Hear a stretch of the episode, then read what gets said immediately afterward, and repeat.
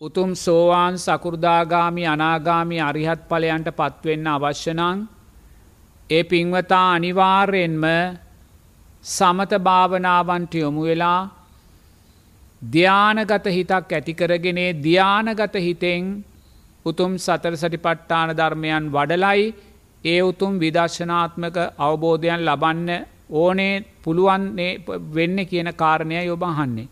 පිංහතුන ඒ ඔබ නගන්නා වූ ප්‍රශ්නය ධර්මයට එකඟ ප්‍රශ්නයක් නෙමේ.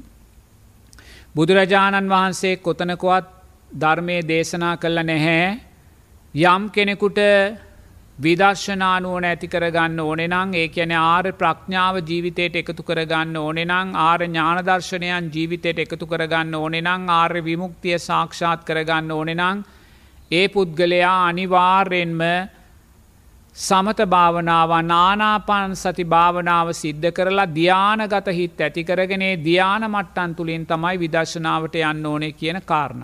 එනිසා එවැනි ධර්මයක් බුදුරජාන් වහන්සේ දේශනා කළ නැහැ.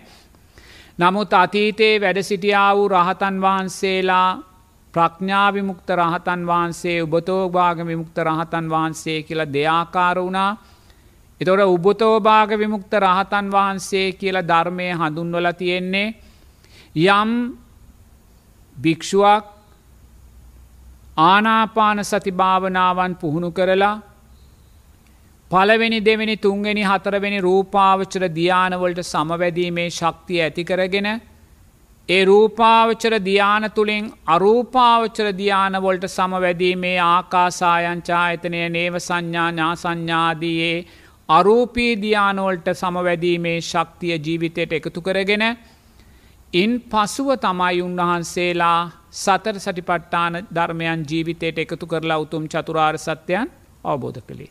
තේනද එතකොට ඒ උබතෝභාග විමුක්ත රහතන් වහන්සේලාට රූපාවචර අරූපාවචර දියානෝල්ට සමවැදීමේ හැකියාවත් තියෙනවා.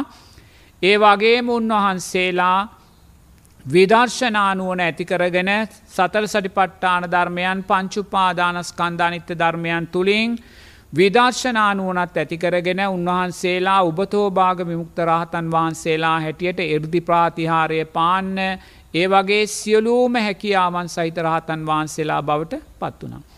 ඒ වගේම ප්‍රඥාවිමුක්ත රහතන් වහන්සේ කියලා ධර්මය සඳහන් වෙන්නේ උන්වහන්සේලාට ධ්‍යාන ශක්තිීන් නැහැ ඒ කියන්නේ රූපාවචර අරූපාවචර ධ්‍යාන ශක්තිීන් නැහැ උන්වහන්සේලා ධ්‍යාන ප්‍රිය කළේ නැහැ. උන්වහන්සේලා ආර්යෂ්ඨාංගික මාර්ගයේ ශක්තිය තුළ සම්මා සමාධිමත් හිතක් ඇතිකරගෙන ඒ සම්මා සමාධිමත් හිතෙන් සතර සටිපට්ටාන ධර්මයන් වඩලා පංචුපාදානස්කන්දය අනිත්‍ය අවබෝධ කරලා උන්වහන්සේ උතුම් චතුරාර් සත්‍යයන් අවබෝධ කළා. විතර උන්වහන්සේලාට අර ධ්‍යාන සක්තිීන් ඇතිකරගන්න උන්වහන්සේලා ප්‍රිය කළේ නැහැ මොක දෙවෙනි උපාදානයන් උන්වහන්සේලාට තිබ්බේ. එනම් යමෙක් කියනවනං ආර්ය ප්‍රඥාව ආර්ය ඥානදර්ශනාර විමුක්තිීන් නැතිකරගන්න අනිවාර්යෙන්ම සමත භාවනාවන් තුළින් ධ්‍යානය පුහුණු කරගත යුතුයි කියලා ඒක ධර්මයට එකඟ කතාවක් නෙමේ. එනිසා ඔබ විදර්ශනානුවන ඇතිකරගන්න බලාපොරොත්තු වෙන පින්වතෙක් නං ඔබ ආර්ය ප්‍රඥාව ආර ඥානදර්ශනයන්න ආර විමුක්තිය ඇතිකරගන්න බලාපොරොත්තු වෙන පින්වතෙක් නං උතුම් සෝවාන් සකෘදාගමි ආදී වූ මාර්ග පලයන්ට පත්වෙන්න බලාපොරොත්තුවයට පින්වතෙක් නං පිංහතුනේ ඒ සඳහා ධ්‍යානගත හිතක් අවශ්‍යවීමක් නැහැ. ධ්‍යානගත භාවනාවන්නොට යොමුවීමේ අවශ්‍යතාවයක් නෑ නමුත් සම්මා සමාධිමත් හිත අත්‍යවශ්‍යයි ඒ සම්මා සමාධිමත් හිත උපයෝගී කරගෙන නිරේතුරුවම කායානු පස්සනාව ජීවිතයට එකතු කරගන්න. එතනයි ලෝතුරා බුදුරජාණන් වහන්සේ මුලින්ම අපිට දේශනා කරන්න.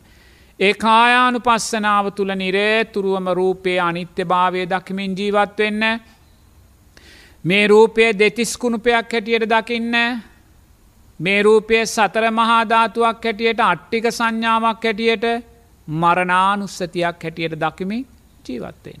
තේන්. මරණානුස්සතියක් හැටියට දකිමින් ජීවත්වෙන්. එහෙම ජීවත්වීමේදී ඔබට ඒ විදර්ශනා නුවන උදෙසා සමත භාවනාවන් අත්‍යවශ්‍යයි ධ්‍යානගත හිතක් අවශ්‍යයි කියන කාරණය නිෂේද වෙලා යන. මොද මට මතකයි එක සාමීන් වහන්සේ නමක් මගින් ප්‍රශ්නයක් ඇව්ව සාමීන් වහන්ස යම් රහතන් වහන්සේ නමක් උතුම් රහත් පලයට පත්වෙන්නේ ධ්‍යානගත හිතක් තුළ ඉන්න මොහොතකද කියලා. ඒ ප්‍රශ්නය සම්පූර්ණයම ධර්මයට පටහැනි ප්‍රශ්නයක්. ධ්‍යානගත හිතක් තුළ ඉන්නවා ඉන්න කෙනෙක් කවදක්වත් රහත් පලයට පත්වෙන්න පුළුවන්කමක් නැහැ. උතුම් රහත් පලය කියන්නේ උන්වහන්සේ නිරේතුරුවම පංචුපාදානස්කන්දේ අනිත්‍ය භාවය දකිමින් ඉන්න අවස්ථාවකයි උන්වහන්සේ උතුම් අවබෝධයන් සාක්ෂාත් කරගන්නේ. සෝවාන් පලේ වේවා සකුරුදාගාමී පලයට පත්වේම වේවා අනාගාමී ඒ උතුම් අරිහත් පලයන්ට පත්වීමෙදී. ඒ උතුම් අවබෝධයන් සාක්ෂාත් කරගන්න කෙනායේ අවබෝධය ලබන මොහොතේ කවදක්වත් ධ්‍යානගත සමාධියකට ඉන්න පුළුවන්කමක් නැහැ. මොකොද ධ්‍යානගත සමාධියකද අපි නිරේතුරුවම විචාර විතර්කෝලින් බැහැරවයි සිටින්නේ. පළවෙනි ධ්‍යානෙදි පමණයි අපි විචාර විතර්ක තුළ ඉන්නේ. නමුත් ඉන් බැහැර ගිය තැන විචාර විතර්කයන් අපි තුළ සංසිදිලා එනිසා කොතනකොවත් නුවනින් මෙනෙහි කිරීමක් විදර්ශනාත්මක දැක්මක් අපි තුළ සකස් වෙන්නේ නැහැ. එනිසා බුදුරජාණන් වහන්සේ දේශනා කරනවා යමෙක් උතුම් සෝවාන් පලට පත්වනානං එයා තවදුරටත් වඩන්න ඕනෙ පංචු උපාදානස්කන්දය අනිත්‍ය භාවයයි කියලා. යමෙක් සකෘදාගාමී පලට පත් වනා නං එයා තවදුරටත් වඩන්න ඕනෙ පංචුපාදානස්කන්දය අනිත්‍ය භාවයයි කියලා. එයා අනාගාමී පලට පත්වනා නං එයා තවදුරටත් වඩන්න ඕනෙ පංචුපාදානස්කන්දය අනිත්‍ය භාවයයි කියලා. එතකොට යාවුතුම් රහත් පලට පත්වෙනවා කියලා.